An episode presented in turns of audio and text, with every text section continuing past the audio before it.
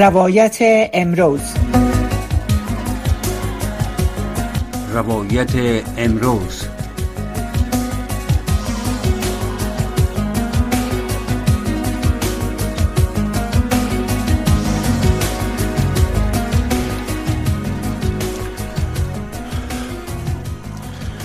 شنوندگان عزیز سلام. با برنامه روایت امروز از صدای آمریکا شما را خوش آمدید میگیم ما در برنامه امروز در مورد اشتغال جوانان و مشکلات و بحران اقتصادی در افغانستان و تعقیب حاکمیت طالبان صحبت می‌کنیم و میمان برنامه ما امشب جناب ناصر رحیمی کارشناس امور اقتصادی و کار و تجارت هستند که ما او را به برنامه خوش آمدید میگیم.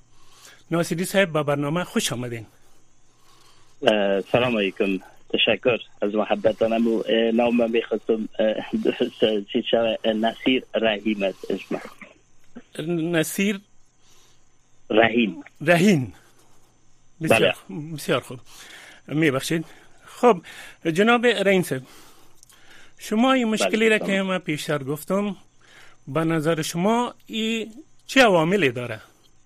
افغانستان چرا به این حالت فیلی از لحاظ کسب و کار و همچنان عدم اشتغال مواجه است؟ شما دقیق می‌فهمیم که یکی از مسائل اساسی جامعه ما مسئله جنگ هست در کشور که حدود بیش از چهارده جنگ در افغانستان تمام زیربنای کشور نابود ساخته. دومی که در طول چل سال تمام حکومت هایی که در افغانستان بوده کمتر وظیفه خود به درستی انجام داده. بنابراین مشکلات که امروز داریم ناشی از مشکلات سیاسی میشه و بخش اساسیش مسئله فرهنگی است و نگرش های فرهنگی که در جامعه وجود دارد و خب مسئله اقتصادی هم خودش و در طول 20 سال هم که بیشتر کار شده کارهای بنیادی صورت نگرفته. بنابراین مشکلات از او ناشی میشه که کشور از نظر اقتصادی خودش حقت مانده است و از نظر فرهنگی هم وضعش به نهایت بحرانی بله. خب در شرایط کنونی آیا بیرون رفته از این حالت وجود داره؟ آیا میشه که طرق و راههایی را پیش کنیم تا ای از این مشکل کشور نجات بیابه بدون شک بدون شک جامعه در حال تغییر است. جامعه رای خود پیدا می‌کنه و اینکه چگونه و چی از کدام راه ها و به چی سرعت این روند تغییر پیدا کنه تا بهبود اوضاع بهبود پیدا کنه. بستگی به عملکردهای نهادهایی که مسئولیت دارن و خود مردم نباشه از طرف در قدم اول دولتی که خب امارت طالبا که روی قدرت از اونا مسئولیت عزیز دارن که در قدم اول باید تمرکز کنن ولی توانمندی را من فکر نمی کنم امارت اسلامی داشته باشه دومی که خب مسئولیت پذیری هم خودش یک مشکل جامعه ما است که کمتر افراد جامعه خودشان مسئولیت میپذیرند و همیشه در طول تاریخ بوده که دیگران مسئول می‌دانند و خودش مسئولیت گریزی و مسئولیت پذیری که از مسئولیت بپذیری یک مسئله حساسی است.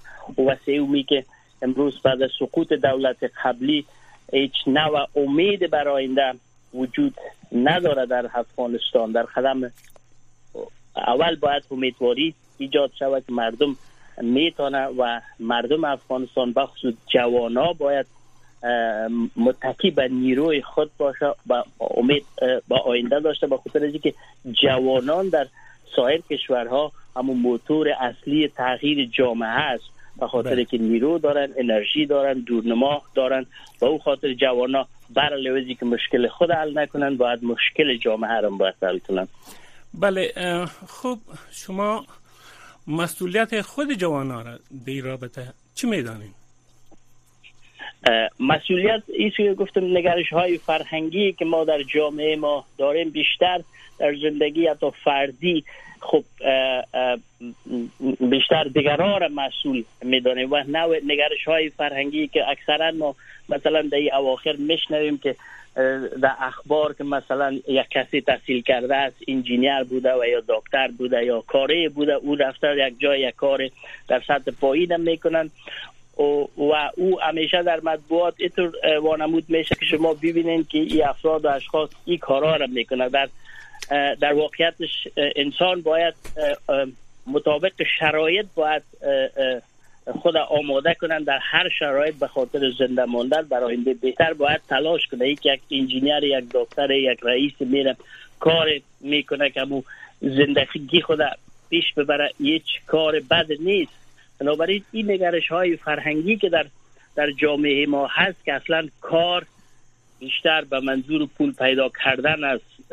نه به که انسان با کار ساخته میشه با کار رشد می‌کنه. بنابراین مشکل اساسی به نظر من فرهنگی است که باید بیشتر سرش توجه شد خب جناب رئیس در گذشته ها حکومت افغانستان یگانه بله. مرجع مهم استخدام بوده. ولی بله. با تحولات جدیدی که در طی 20 سال و از بیشتر صورت گرفته دیگر حکومت ها نمی‌تونن که تمام اشخاص تحصیل کرده و همچنین فارغ تحصیلات یا فارغ تحصیلات و سایر کسانی که در رشته های خاص مسلکی اونا البته تحصیلات کردن. نمی‌تونه همیشه جذب کنه. ایجا به نظر شما آیا ضرور نیست که حکومت باز هم پیشگام شود بدون از که البته جوانا و کادرها را استخدام کنه راه های بله. یا تسهیلاتی را فراهم کنه که تا او بتانه که زمینه اشتغال از این افراد مهیا کنه. در حال حاضر نه حکومتی گنجایش داره و نه همچنان مؤسسات و شرکت ها و همچنان تشبسات خصوصی می‌تونه که اینقدر مؤسلینی که سالانه از پانتون ها از مؤسسات تحصیلی عالی فارغ میشن و همچنان دیگه کورس ها را می‌خوانن اون را جذب کنن. این مشکل مثل شما فرمودین یک مسئله بسیار زیاد عمیق است و روز تا روز اگری غمش خورده نمیشه به نظر من که به یک حالت بسیار بحرانی خواهد رسید. نظر شما در ارتباط چه است؟ گپ شما کاملا دقیق است در گذشته ها هم دولت ها وظیفه خود به درستی انجام نداده و ما شما اکثرا مثل که امروز می‌بینیم که امارت اسلامی به جای ایزی که سهولت ها را برای مردم خلق کنه به جای از که مشکلات اونا تلاش می‌کنن که مردم از نظر فکری تغییر بده اندیشه هایش تغییر بده فکرش تغییر بده که خودش نوع نگاه سیاست مدارای دولت خودش یک نگاه اشتباس وظیفه دولت این نیست که مردم از نظر فکری تغییر بده بلکه وظیفه است که برای مردم رفاه را بیاره. در قدم نخست امروز اولویت ها باید دستبندی شود اولویت اصلی امنیت است. باید در کشور امنیت باشه امنیت جانی باشه امنیت فکری باشه. دومی که از نظر فکری باید انسان ها باید سیستم تعلیم تربیه باید تغییر کنه و خاطر از که ما زیاد تحصیل کرده های داریم که تحصیل کردن ولی تحصیلی که کردن امروز در جامعه با او تحصیل خود کار کردن هم می‌کنن. باید حتی های نو باید ایجاد شد مثل که در کشورهای دیگه کمتر کساد از طرف دولت اونا مصروف کار میشن بلکه اونا بیشتر خودشان ابتکار عمل دارن. بیشتر خودشان زمینه حتی شغل زایی را برای دیگران میسر می‌سازن و جوانا باید بیشتر حتی هر نیرو حتی دولت یا نهادهای دیگه کار می‌کنه باید سرزی تمرکز کنه که خودشان جوانها به دور از دولت خودشان بیشتر تمرکز بر مسئله اقتصادی کنن اونا شغل زایی کنن خودشان باید ابتکار کنن. و متاسفانه یا بازم بگیم مشکل فرهنگی است و از نظر فکری ما اونجا آزادی کامل استقلال کامل نداریم و افراد تماما از نظر فکری وابسته هست. کمتر تشویق میشه اگر یک کار کسی یک ابتکار می‌کنه یک دست یک ابتکار می‌کنه از نظر جامعه شما می‌بینید که تشویق نمیشه سرزنش میشه میگه این کار نمیشه این کار با بیت کرده با وکلانت کرده. چطور کردی چنان کردی با اون حساب این خودش به نظر من هیچ دولت نمیدانه وظیفه دولت هم نیست که تمام مردم در کار ولی دولت وظیفه است که امنیت بیاره قانون بیاره نظم بیاره تا مردم زمینه رشد جوانا را مساعد کنه تا جوانا استعدادهای شکوفا شود و استعدادهای خود هم به خاطر آرزوها و خواسته های خود به کار بگیره و هم برای جامعه هم از در خدمت شود بله رئیس یک مشکل عمده که در گذشته ها هم دیده میشه و هنوز هم پابرجاست حکومت ها نوی از یک خلوص خاصی ندارن برای که باید امین مسئله را وزارت تحصیلات عالی و حکومت در مجموع به محصلین و کسایی که هنوز هم در پانتون ها و در مؤسسات عالی و دیگه خواه خصوصی خواه عمومی درس می‌خوانند باید برشان گفته شود که حکومت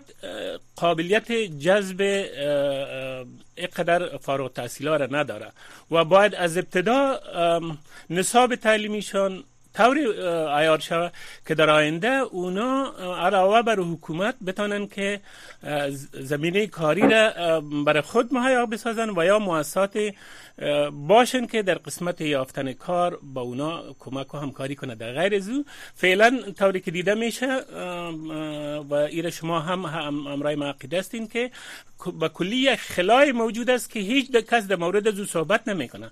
با هزارهان با هزارها فارغ پانتونامه تا حالا خصوصا پانتونای خصوصی هم ایجاد شده.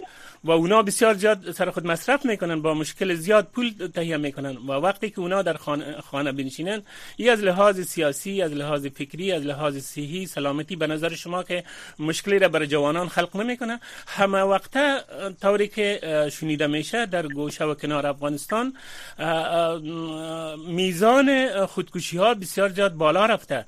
خصوصا در میان همچه جوانان خواه پسران و خواه دختران مشکل حتی خودکشی را ایجاد کرده.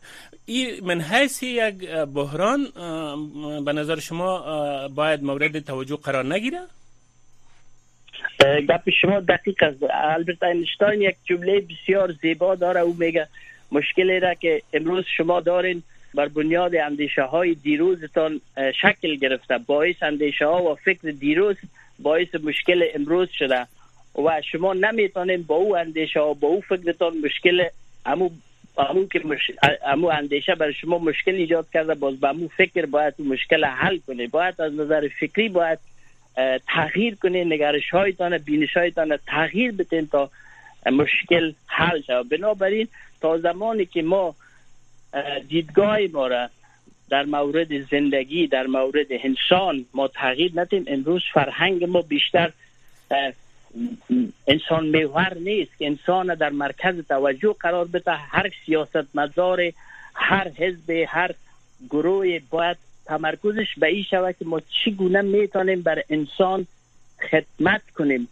اونجا است که تا این نگرش در اونجا نهادینه نشن و بیشتر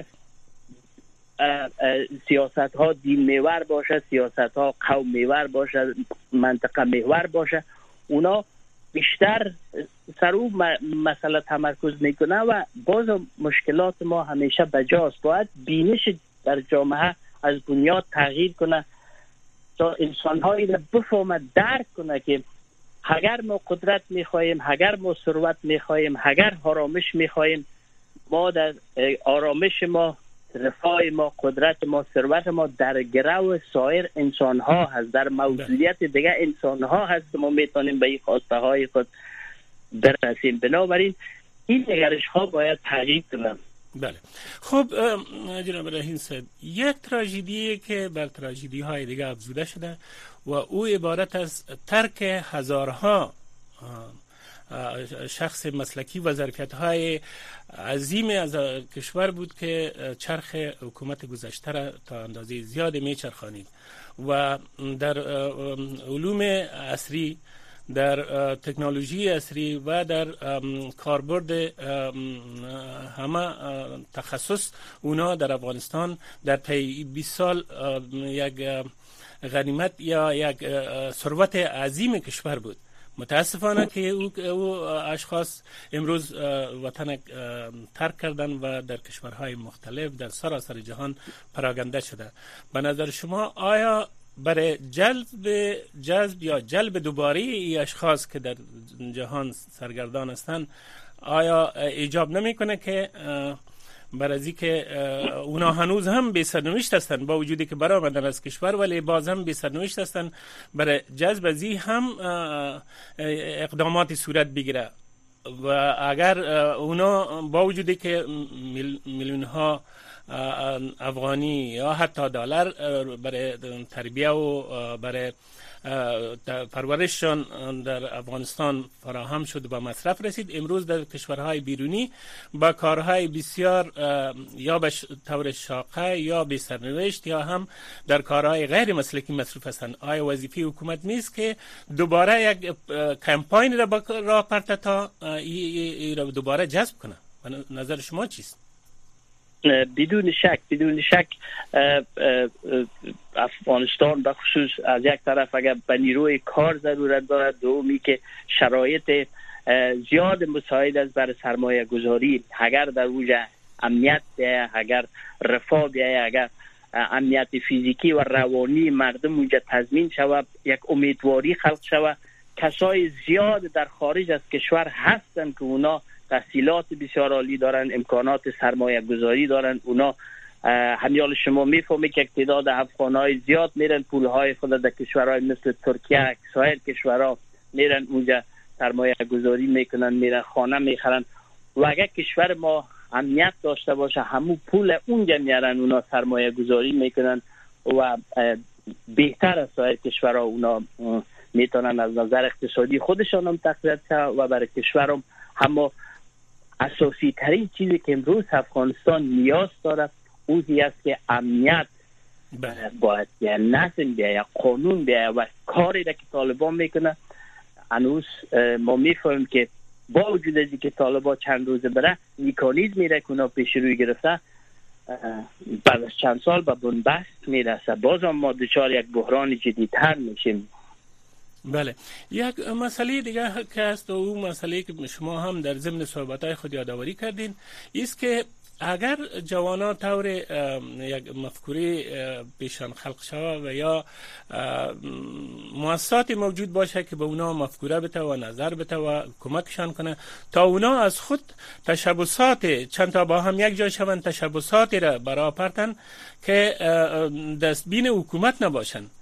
و ای, ای در مثلا استارتاپ ها که مثلا در دیگر کشورهای دنیا از لحاظ کامپیوتری و و همچنان از لحاظ آنلاین بسیار کارهایی است که میشه که مردم از خانه او را انجام بتن و او را عملی کنن در این ارتباط به نظر شما ضرورت به این طور یک مؤسسات دیده نمیشه که اینمی جوانا را تنظیم کنن مفکوره بتن و اندازه تا اندازه هم برشان یک نوع تا یک اندازه سرمایه برشان فراهم کنن که تا اونا امیتر تشبسات به ابتکار خود به میان بیارن کاملا ما یکی از کارهای عملی هست که مورد توجه هست و باید شود به جای از که افغانای زیاد از خارج از کشور پولهای را روان می‌کنن که البته او هم یک ضرورت است که برای مردم کمک های حوالیه کنن ولی یکی از اساسی ترین و بنیادی ترین هی است امروز ما در خارج از کشور یک کدرهای بسیار زیادی را در بخش های مختلف داریم. و از نظر فرهنگی از نظر فکری هم آدم های بسیار صادق هستند صادقانه می‌خواین کار کنن و از اینجا می‌تونن جوانا را در اونجا کمک کنن. به اصطلاح هم از نظر سرمایه داری و هم از نظر سرمایه گذاری و هم از نظر دانش که دانش انتقال بتن. این یک امکان هست که باید روی هزی بیشتر تمرکز شود. به جای ازی که بیشتر روی سیاست بازی ها و روی مسائل قومی و زبانی امروز میچرخند. ولی اساسی ترین کار که هر کس می‌خواه امروز بر افغانستان کنه از بیرون از کشور تمرکزش روی مسئله اقتصادی باشه که جوانا را از نظر اقتصادی رشد بده و امیدواری خلق کنه برشان که در همونجا باشه و در همونجا سهولت خلق کنم و فکر کنم که امارت طالبا هم در این مسئله ممانحت ایجاد نخواهد کنه. ولی این یک یک مسئله است که باید عملی است. برای بله. آینده بهتر میشه کار کرد.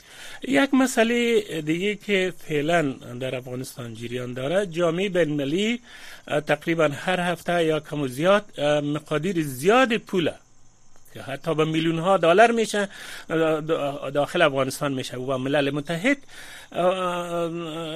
با این پول به ملل متحد مسپارن. و ملل متحد او را به مسائل بشری و به مسائل کمکی و به تهیه غذا و اینطور چیزا به مصرف میرسنه اگر ملل متحد در ضمن ای که به همه کمک می‌کنن جوانا که بسیار مستعد هستند و می‌تونن که به صورت مستقیم باز خودشان فامیلای خود کمک کنن. چرا ایره به یک شکل دیگه به نظر شما تبدیل نمی‌کنه که این میره تشبسات از طریق زمین پولی که است یک مقدار پول من حیث پول های با کوچک یا یک قرضه کوچک برای جوانان فراهم کنند. در ایجاد ایجاد مؤسسات اونا را چیزی در برای برای پرورششان یا تربیه کدرا به مصرف برسانند باز اونا از خود تشبسات ایجاد کنند. این وضعی که او را افغانستان مثل دست شکسته دائم به دست شکسته و محتاج نگاه کنند و دائم به دستبین کشورهای بیرونی باشه. ضرور نیست که ایرا به یک نوع هم سرمایه گذاری شوه هم بشری شوه. مخلوطی از اردو به وجود بیه شما چه فکر می‌کنید در ارتباط؟ گپتان کاملا دقیق است ولی خب یک مسئله هست که سازمان های خارجی همیشه هر کدامشان اهداف مشخص و برنامه خاص دارند و در همو حوزه می‌خواهند کار کنند و در همو حوزه بودجه خود تخصیص میده. خب من فکر کنم او اولویت داره برشان به خاطر از اینکه تشزی دارن که افغانستان در تحریم از طالبان کس بر رسمیت نمی‌شناسه. مبادایی که بحران اقتصادی و قدر شدید شود که همی امارت طالبا هم از هم بپاشه و یک بحران بسیار پیچیده و شاید هم به خاطر از اینکه هزی تاریخ می‌خواهند اگر بتانند طالبان را تحت فشار قرار بدن و اصلاحشان کنند توی بازی های سیاسی فکر کنم پشت سر باشه که من اقدر زیاد در این مسائل نمیفهم. ولی شما خوب است. ولی پول فقط تنها کمک نمی‌کنه ما و شما در طول 20 سال دیدیم که به میلیاردها دلار آمد. هیچ مشکلی را حل نکرد. فقط مشکل مشکل پول نیست. مشکل مشکل فکری است که ما از نظر فکری هنوز مشکل داریم. از نظر فرهنگی ما مشکل داریم تا زمانی که مشکل فرهنگی ما بنیادی ما حل نشه ما درک درست از زندگی نداشته باشیم که زندگی یعنی رفاه زندگی یعنی آسایش. ما خود ما مسئولیت بگیریم. او وقت است که پیش میره. ولی فقط به نظر من مشکل پول مشکل حل نمی‌کنه یک مسئله دیگه که دیده میشه در افغانستان مسئله زمین و زراعت است.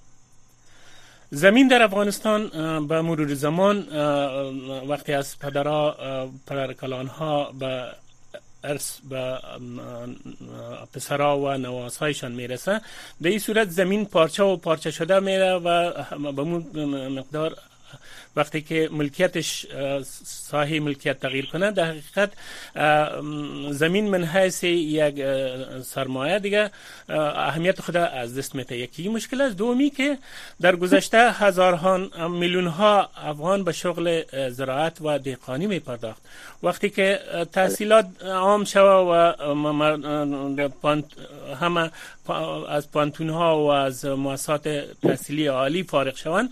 اینجاست که بسیاری مردم شاید شغل دیقانی را دیگه پشتش نگرده. چنانچه این مشکل در, در افغانستان در بعضی از ولایات وقتی که اولادایشان یکی منطقه را ترک می‌کنن دومی که در گذشته پدرایشان دیقان بودن ولی امروز اولادایشان تحصیل یافته است که کار خوب شده.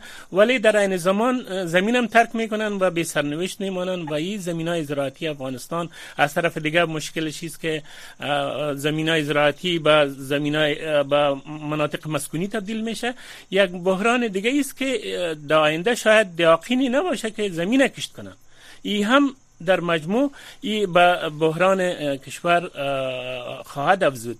دیگه اینو حال که ما چهار دقیقه وقت داریم شما اگر به صورت خلاص یک سلسله تجاویزی را به نظر شما که مادوار بگین که اگر این وضعیت بهبود ببخشه و یا این وضعیت کمی تغییر بده. خب به نظر به یکی از کارهایی که باید شوه همه مسئولیت پذیر باشه در هر کجایی که است در هر سطحی که وجود داره در هر امکانی که داره برای آینده خود برای فردای خود تلاش کنه که امروزش اگر خوب است فردایش بهتر باشه. بله. هیچ وقت منتظر از این نباشه که اول یک دولت بیای بعد از مثل که ما 20 سال منتظر از این ماندیم که حکومت اسلامی بیای باز حکومت اسلامی کل چیز جور می‌کنه این امارت اسلامی را دیدیم. همه نه. باید مسئولیت پذیر باشیم. همه باید همکاری کنیم با همدیگه و همه باید صادق باشیم. صادقانه کار کنیم. مسائل سیاسی را مسائل فرهنگی را مسائل اقتصادی را همیشه از هم دیگه جدا کنیم. اولویت به مشکلات ما بتیم که امروز چی مشکل است باید هو حل کنیم. و دومی که افکار ما را بر بنیاد اصالت انسان شکل بدیم. بر اساس ارزش ها و نقاط مشترک پیدا کنیم که نقاط مشترک امروز در افغانستان رفاه است امنیت است نظم است عدالت است. ای به نفع کلگی است. اگر رفاه نباشه کلگی از خساره می‌بینه. اگر امنیت نباشه کلگی. برای نکات مشترک باید مشترک کار کنیم. برای او که مربوط فرد ما میشه باید فردی تلاش کنیم. فقط کس باید مسئولیت پذیر باشه. بله. دیگرها را متهم نکنه و با یک دید مثبت برای آینده نگاه کنم. امروز بله. ما می‌خوایم افغانستان جور کنیم. شما برین در رسانه های اجتماعی چند فیصد مردم مثبت فکر می‌کنن برای آینده. و چند فیصدش نظر میتن همه همدیگر رو نیست و نابود می‌کنن. همه همدیگر رو بعد بیرا میگن. نه. خب یک کشور یا یک مردم با یک فکر درست میشه. ما هنوز فکری را ایجاد نکردیم که آینده نگر باشه بله. خب در پالوی ازیم در پالوی ازیم طوری که دیدم میشه ما وقت ما پور هستم ولی ولی خوشبختانه ما جوانایی را هم در افغانستان خواه از دختران و خواه پسران دیده میشه که اونا یک فکرای بسیار عالی دارن و ابتکاری کار می‌کنن و ابتکاری عمل می‌کنن. دیگه جناب رئیس امید است که این جوانا سرمشق برای دیگرها شوه و خود جوانا و سرنوشت خود به دست بگیرن و آینده خود رقم بزنن. بله تشکر جناب این صاحب از اشتراک شما در برنامه و تا برنامه آینده که باز هم مسائل مربوط به مسائل اجتماعی اقتصادی فرهنگی و غیره مورد بحث قرار میتیم شما را به خداوند بزرگ و یکتا میسپاریم. شبتان خوش.